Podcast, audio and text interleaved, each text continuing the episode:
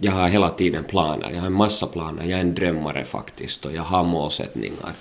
Men kännetecknande för mitt liv är att, att de där liksom drömmarna förblir drömmar. Men att eh, jag jobbar ju ändå liksom hårt och det händer en massa saker men jag tycker nog att of, oftast händer det lite annorlunda saker än, än vad jag har tänkt mig. Flyttade ni genast hit till det här stället i morgon när ni flyttade tillbaka hit? Eller? Ja, det gjorde vi. Jag träffade Mika Peltola för första gången i verkligheten i februari i vintras. Men jag har vetat om att han finns i ganska många år för vi har en gemensam vän och de två hade studerat filosofi tillsammans. Jag fick också veta att den här Mika, förutom att han hade läst filosofi, också hade studerat vid Hanken och att han jobbar som företagare i IT-branschen. Det där lät i mina öron som en ganska originell kombination. Men det här var alltså ganska många år sedan. I fjol någon gång så blev jag uppringd av honom. Dels ville han berätta nyheter från Penedo i Brasilien och så ville han också berätta en annan sak. Ja. Jag kommer. Och vi pratade om den saken igen när vi till slut träffades hemma hos honom i Gamla stan i Borgå.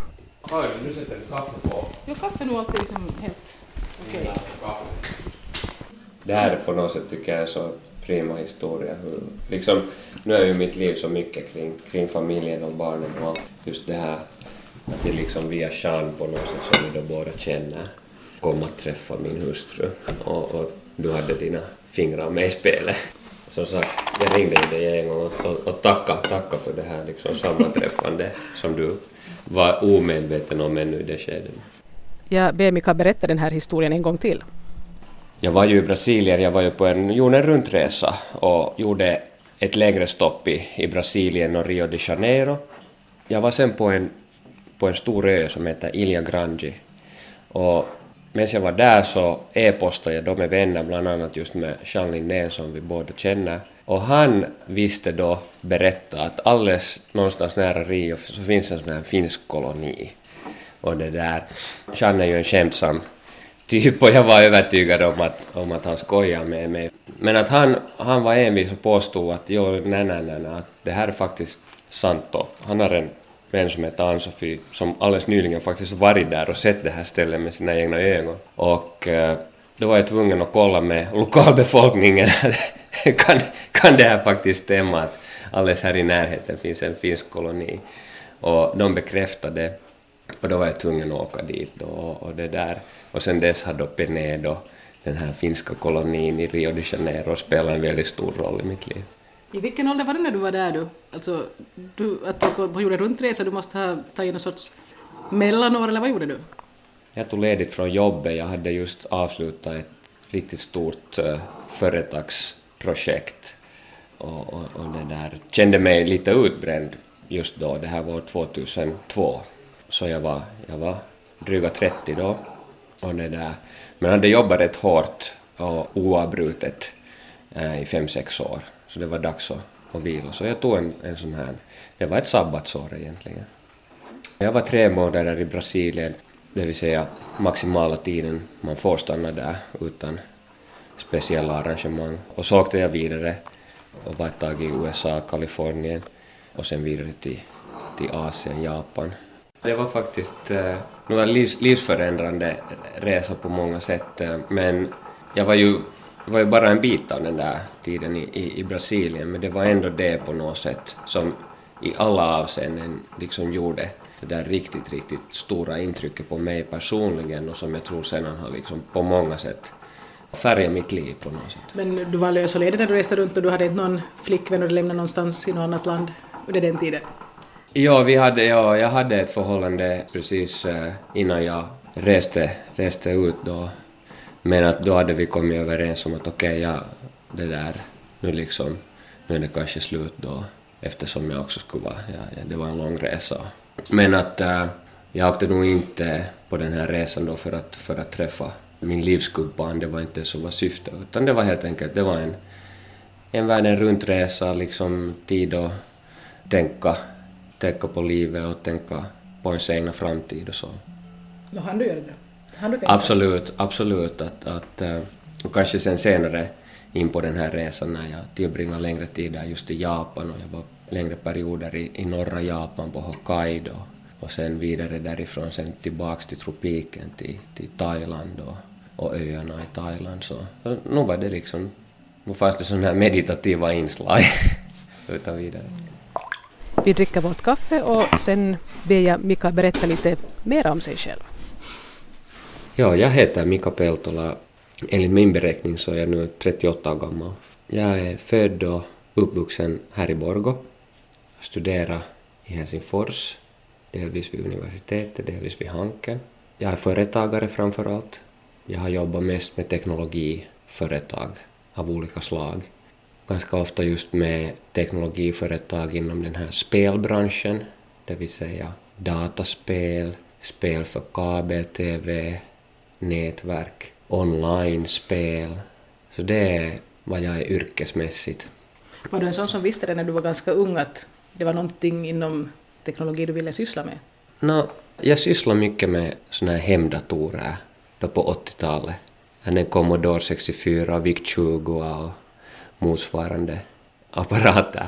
Men inte var jag jätteseriös. Det jag visste var att jag ville jobba liksom inom, inom näringslivet på något sätt och med företag och det kändes naturligt. Alltså hade du modell på nära håll? På jo, jo, självklart. Det har, ju, det har ju de flesta. Att det där. Jag tycker nog att man väldigt ofta väljer det som, det som man ser i, i närheten. Och, och det där.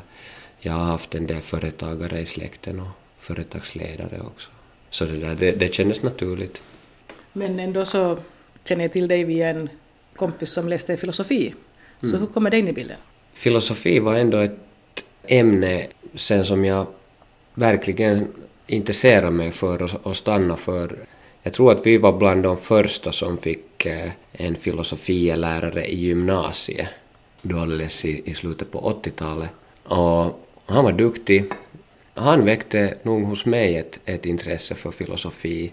Uh, intresset var så pass starkt att när jag sen kom ut från Milin så det där uh, bestämde jag mig då för att ändå söka in till universitetet. Så, så det där, jag har examen då från filosofi, eh, no, fakulteten, humanistiska fakulteten och, och det där filosofiska avdelningen. Det därifrån jag egentligen är utexaminerad. Att sen, sen Hankenstudierna blev faktiskt sen småningom, de blev inte så omfattande sist och slutligen. Många frågar naturligtvis att varför läser du filosofi? Att det är ju ingen som vill anställa en filosof. Och no, det visade sig att de hade helt rätt, faktiskt. det är absolut inte någon som intresserar arbetsgivare. Och då har man ju väldigt få val kvar egentligen. Om så är fallet så då måste man ju starta sina egna företag. Och det har jag gjort sedan dess, mer eller mindre. Att visst har jag varit anställd och startat företag tillsammans med kumpaner eller blivit inkopplad i, ett bolag som redan finns från förut men alltid med ett sånt här entreprenörsmässigt grepp. Det har liksom blivit min arbetsbana. Men det var inte enbart då för att du inte kunde bli anställd som filosof antar jag, utan det var också för att du hade ett intresse som du sa? Absolut, och det här liksom företagande passar väl mig sen ändå på något sätt att eh, och kanske just om man tittar på att man om man börjar studera filosofi så kanske man inte liksom är den typen som väljer liksom den mest eh, vanliga eller typiska stigen, banan framåt.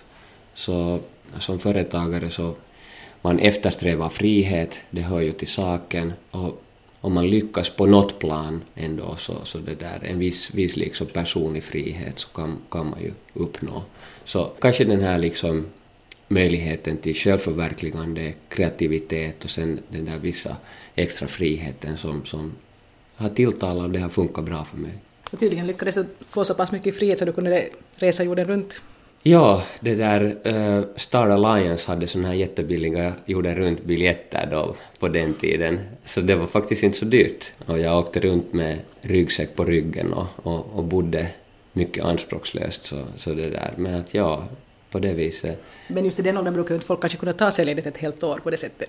Nej, nej. Man kan ta sig ledigt ifall man inte har en karriär som drar en till en eller som man måste på något sätt uh, underhålla. Så det där, i det avseendet så. Men hann du vara med alltså det, då när folk nu kunde göra stora pengar på det här med IT och spel och sådana saker, eller var du, hade det hunnit någon bubbla brista där innan i det skedet? No, stora pengar har jag inte liksom lyckats, lyckats göra. Men eh, jag minns nog den här tiden, slutet på 90-talet, då den här teknologibubblan blåstes upp i ganska rask takt. Var du med på något vis där då också? Nu var jag med, nu var jag med och jag ledde, ledde ett eh, konsultföretag som växte från, vi var sju personer 1997 och när jag sedan hoppade av år 2000 så var vi över 70 personer. Aha. Så visst växte det ganska fort och man fick nog se den där bubblan inifrån. Det var intressant. Men du sa också att du hade jobbat så pass mycket i så många år att du nästan i ganska unga år var lätt utbränd. Ja, det var nog...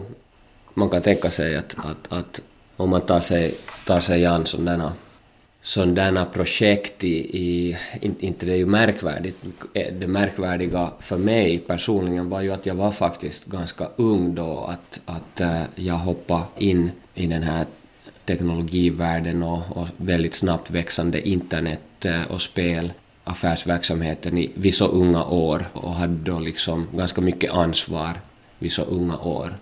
Så det där... Eh, jag tror inte att jag liksom led av någon sån här riktigt allvarlig burnout eller burnout i sån här klassisk bemärkelse men då 2002 innan jag reste iväg på den här jorden runt så jag kände nog av att, att nu, nu, nu måste jag ta en paus helt enkelt. Du gjorde ju det, det är det som kanske många inte gör, att de fortsätter i alla fall, men du hade förstånd att göra det? Ja, ja, gudskelov. Att det där, man måste ju kunna liksom någon självreflektion behövs och, och sen behöver man goda vänner framför allt och, och, och det där familj runt omkring sig som, som talar om för en. Om, om man börjar se liksom allt för, allt för jävlig ut eller, eller helt enkelt inte liksom är sitt gamla vanliga jag. Du var inställd på att resa ensam och du försökte inte få någon kompis med dig på den här långa färden? Nej, jag, ty jag tycker fortfarande, nu, nu är det inte möjligt längre med familj, men, men att resa ensam är jättegivande. Kanske igen min liksom frihetslängtan på något sätt tillfredsställs på ett annat sätt där. Och då, man träffar ju ändå intressant folk hela tiden när man är ute och reser. Men när du ändå åkte till Penedo och träffade din blivande fru, visste du genast du såg henne att det, den här personen är någonting speciellt liksom? No, nu visste jag det ganska, ganska snart efter att vi hade träffats. Att jag gick in på ett litet konstmuseum som, som heter Villa Eila där i byn. Då såg, jag, då såg jag en bild på min blivande hustru och då sa jag rent till min följeslagare där att jaha men att äh, den där damen verkar jätteintressant att, och, och det där, hon har ett intressant finskt namn också tycker, jag jag sa. Något sånt där. Och sen bara några dagar senare så råkades vi faktiskt. Och det där. Men det var inte så att du sökte upp henne efter att ha sett bilden på det sättet? Jag minns inte möjligen. men du reste i alla fall vidare trots att du hade träffat henne då? Jag reste vidare men jag kom nog tillbaks sen innan jag åkte från Brasilien. Att, att vi kom överens ändå att, det där, äh, att, att vi ännu skulle träffas innan, innan jag åker därifrån. Men sen åkte jag ju vidare faktiskt till Kalifornien och till, till Asien och så vidare. Och då hann du liksom fundera på resten av ditt liv då? Mm. Ja, precis. Han planlägga allting och lägga all, alla drömmar och planer på plats. Nej, ja, ja, där skojar jag bara. Men det finns ju folk som faktiskt kan det där, de på något sätt bestämmer sig att så här vill jag ha det, så jobbar de för att det ska bli på det sättet. Jag, jag har svårt att tro att det skulle liksom kunna fungera faktiskt på det viset att uh, mm, inte har mitt liv blivit på något sätt så som jag, jag... Jag har hela tiden planer, jag har en massa planer, jag är en drömmare faktiskt och jag har målsättningar. Men kännetecknande för mitt liv är att, att de där liksom drömmarna förblir drömmar. Men att eh, jag jobbar ju ändå liksom hårt och det händer en massa saker men jag tycker nog att of, oftast händer det lite annorlunda saker än, än vad jag har tänkt mig. Men att kanske det är mer så att man har några principer som sedan kan förverkligas och, och, och kanske just i, i mitt liv att då att uh, jag har liksom varit mån om att kunna liksom bibehålla den här liksom friheten. Liksom till och med sån här fysisk, fysisk frihet att, att det där, eh, vi har inte blivit fruktansvärt bundna vid någon viss plats utan jag och min hustru, vi har bott på lite olika ställen och, och, vi kan framöver också tänka oss att bo på olika ställen. Att nu, nu när vi har små barn så, så måste man ju framförallt tänka på dem och, och deras arrangemang, men, men ändå så det där... Äh, jag har inte alls klart för mig hur liksom saker kommer att gå hädanefter. Mm, hur snabbt efter att ni träffades gifte ni er då? Uh, vi gifte faktiskt först nyligen. ja, okay. Men vi, vi, vi var ihop sen mer eller mindre flytta, flytta ihop då ganska strax efter att jag kom hem från den här långa resan. Då. Flyttade ni hit då liksom eller? Ja, vi bodde, bodde först ett kort tag i, i Esbo. Vi hyrde en lägenhet där, men eh, sen var jag faktiskt, jag var två vintrar, två långa vintrar liksom i Brasilien. Alltså vi, Just vi, i Penedo då? I, no, framförallt i Penedo då, ja. ja. Så vi, vi, vi pendlade lite grann så här mellan Finland och, och, och Brasilien. Och sen bodde vi faktiskt eh, i Tallinn tillsammans eh, över ett år. Hur kom det sig att det blev Tallinn? Det var nog säkert därför att jag tror att det var, det var mitt, mitt, mitt fel så att säga. Jag hade liksom lite en sån där känsla av att om, om vi nu kommer till Finland så det är liksom någon slags sån här, då gör vi slag i saken och då har vi liksom flyttat till Finland och då stannar vi här. Och den där, den där tanken kändes inte bra. Jag hade en väldigt god, god vän som, som, som bodde i Tallinn, en skolkamrat. Och, och det där, han lyckades, lyckades locka mig dit. Och jag måste säga så här, sett i backspegeln så, så det där, det var faktiskt äh, underbar tid och Tallinn är väl än idag men, men framförallt då så, så var det liksom väldigt dynamisk plats där det hände mycket, massor med energi faktiskt. Äh, äh, intressanta konsultuppdrag som, som jag fick tag på där och kunde hjälpa ett par liksom, unga teknologibolag i, i Estland, så det var ganska intressant. Och så finns det folk som säger också att när man är från två skilda länder så är det bra att man först bor i något helt annat land som inte är någons hemland. Inte vet jag om mm. du håller med om det. Ja, det där kanske, kanske vi inte lyckades artikulera det så där bra, men jag, jag, tror att det kan ha haft just med det där att göra att äh, Estland var, och Tallinn är ju så nära, man kommer ju därifrån hur lätt som helst hit, men ändå så det där, vi var kanske inte färdiga att ta det där beslutet att, att, äh, att vi liksom bosätter oss nu. Liksom. Sen flyttar vi, sen flyttar vi hit till Finland. Men vi har ju fortfarande hållit väldigt liksom aktivt kontakt med Brasilien och har fortsatt att åka dit rätt ofta. Du sa någonting när vi talade telefon om att du funderar på att ni kanske skulle tillbringa någon längre tid där också. Ja, det är igen en av de här drömmarna. Vi får se om den här drömmen går i uppfyllelse eller inte. Men äh, vi har faktiskt nu, sen, sen vi pra, pratade på telefon, så har en, en, en sak inträffat som du inte ännu vet om, men att uh, vi har lagt ett bud på ett, på ett hus där faktiskt och det här budet accepterades. Vilket nu liksom absolut inte ännu betyder att vi skulle ta vårt pick och pack och fara snabba tag flygplatsen. Att, att det är många, många om och men och, och mycket som måste ännu gå vägen men, men, men det där ja, vi kom över en, där är en fastighet som, som vi har drömt om jättelänge. I Penedo eller? I Penedo faktiskt. Mm. Men den här är, är speciell då, den anknyter så på något sätt eh, starkt då till vår familjs historia. Att det är faktiskt den här eh, huvudbyggnaden för den här Facenda, Facenda Penedo och omkring, omkringvarande gårdsplan och, allting och, och, det där. Eh, så Soile, min hustru, har ju liksom vuxit upp som granne egentligen till det där huset och har sprungit in och ut i, i det där huset sen barnaben. Och nu får vi se då om vi kommer, om, om vi får den här affären avslutad. Och den som råkar höra på programmet Ett finländskt äventyr i Brasilien som sändes på Kristi himmelsfärdstorsdagen så vet att Mika Peltola och hans familj numera är ägare till den här fastigheten. Men det kunde ju inte Mika veta då ännu när vi träffades i februari. Skulle det då betyda att ni skulle hela familjen faktiskt ha det som huvudsakliga bas? Det skulle det nog säkert betyda. Men eh, vi får se, man, man, man tar liksom en livsfas åt gången, inte sant? Att, eh, det är underbart här i Finland och un, underbart i Borgo. Vi har ingenting att klaga över, men naturen och, och, och klimatet är ganska nära perfekt där borta i 12 månader per år. Så det där, eh, det är ganska lockande. Och i Penedo är det inte heller lika hett som det kan vara i Rio de Janeiro. Ja, så folk från Rio kommer ju dit eh, påpälsade.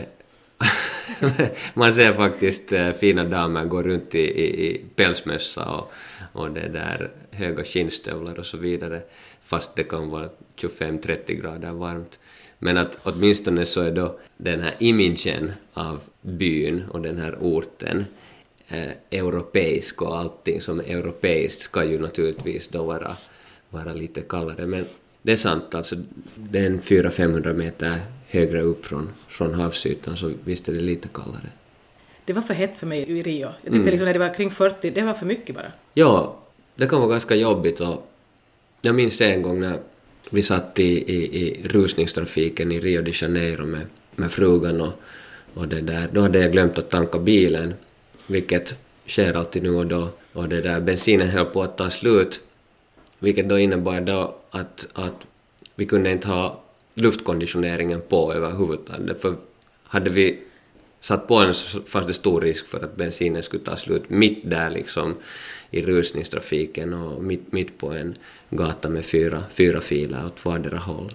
Då var jag nog rätt, rätt nära på att helt enkelt liksom sätta livet till. Det var, det var fruktansvärt. Men äh, annars så har vi nog inga problem med, med hettan och, och klimatet. Att Penedo känns som en sån här gammaldags landsortsby och sen på veckosluten så kryllar det ju av turister där. Men äh, det är hundrafalt tryggare än, än Rio de Janeiro. Det är kanske inte lika tryggt som Borgo eller Jakobstad eller sådär, men, men eh, det, det, är en trygg plats att bo på. Hur mycket folk bor där i Penedo just nu? Ungefär 5000 invånare, men det är en ganska stor turistort. Att äh, det bor uppemot 30 miljoner människor runt omkring på 300 kilometers avstånd från, från den här byn. Då, och så så det har, det har lett till en ganska livlig turistnäring och, och det där uppemot hundra hotell i byn och eh, det händer, händer mycket under helgerna. Sen inte de här finska folkdanserna att förglömma. De går av stapeln på finska, finska klubben varje lördag kväll från och med klockan, klockan sju. Och det där, där får, får man då beundra brasilianer i finska folkdräkter. Så om ni flyttar dit nu då, vad är dina planer i så fall? Om ni flyttar?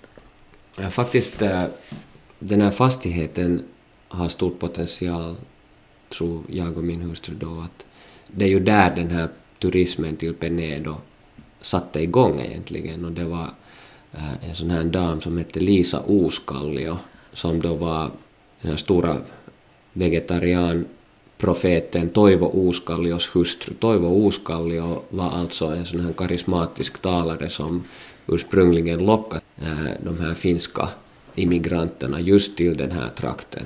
Men han, han var en... Eh, han var kanske en duktig talare och sen hade han lyckats med konststycket att få en väldigt liksom, praktisk eh, hustru och eh, då den här Lisa Oskallio. Lisa Oskallio drev ett sånt här härberge i då den här gamla herrgårdskaraktärsbyggnaden och, och det är där då den här turismnäringen i Penedo kom igång.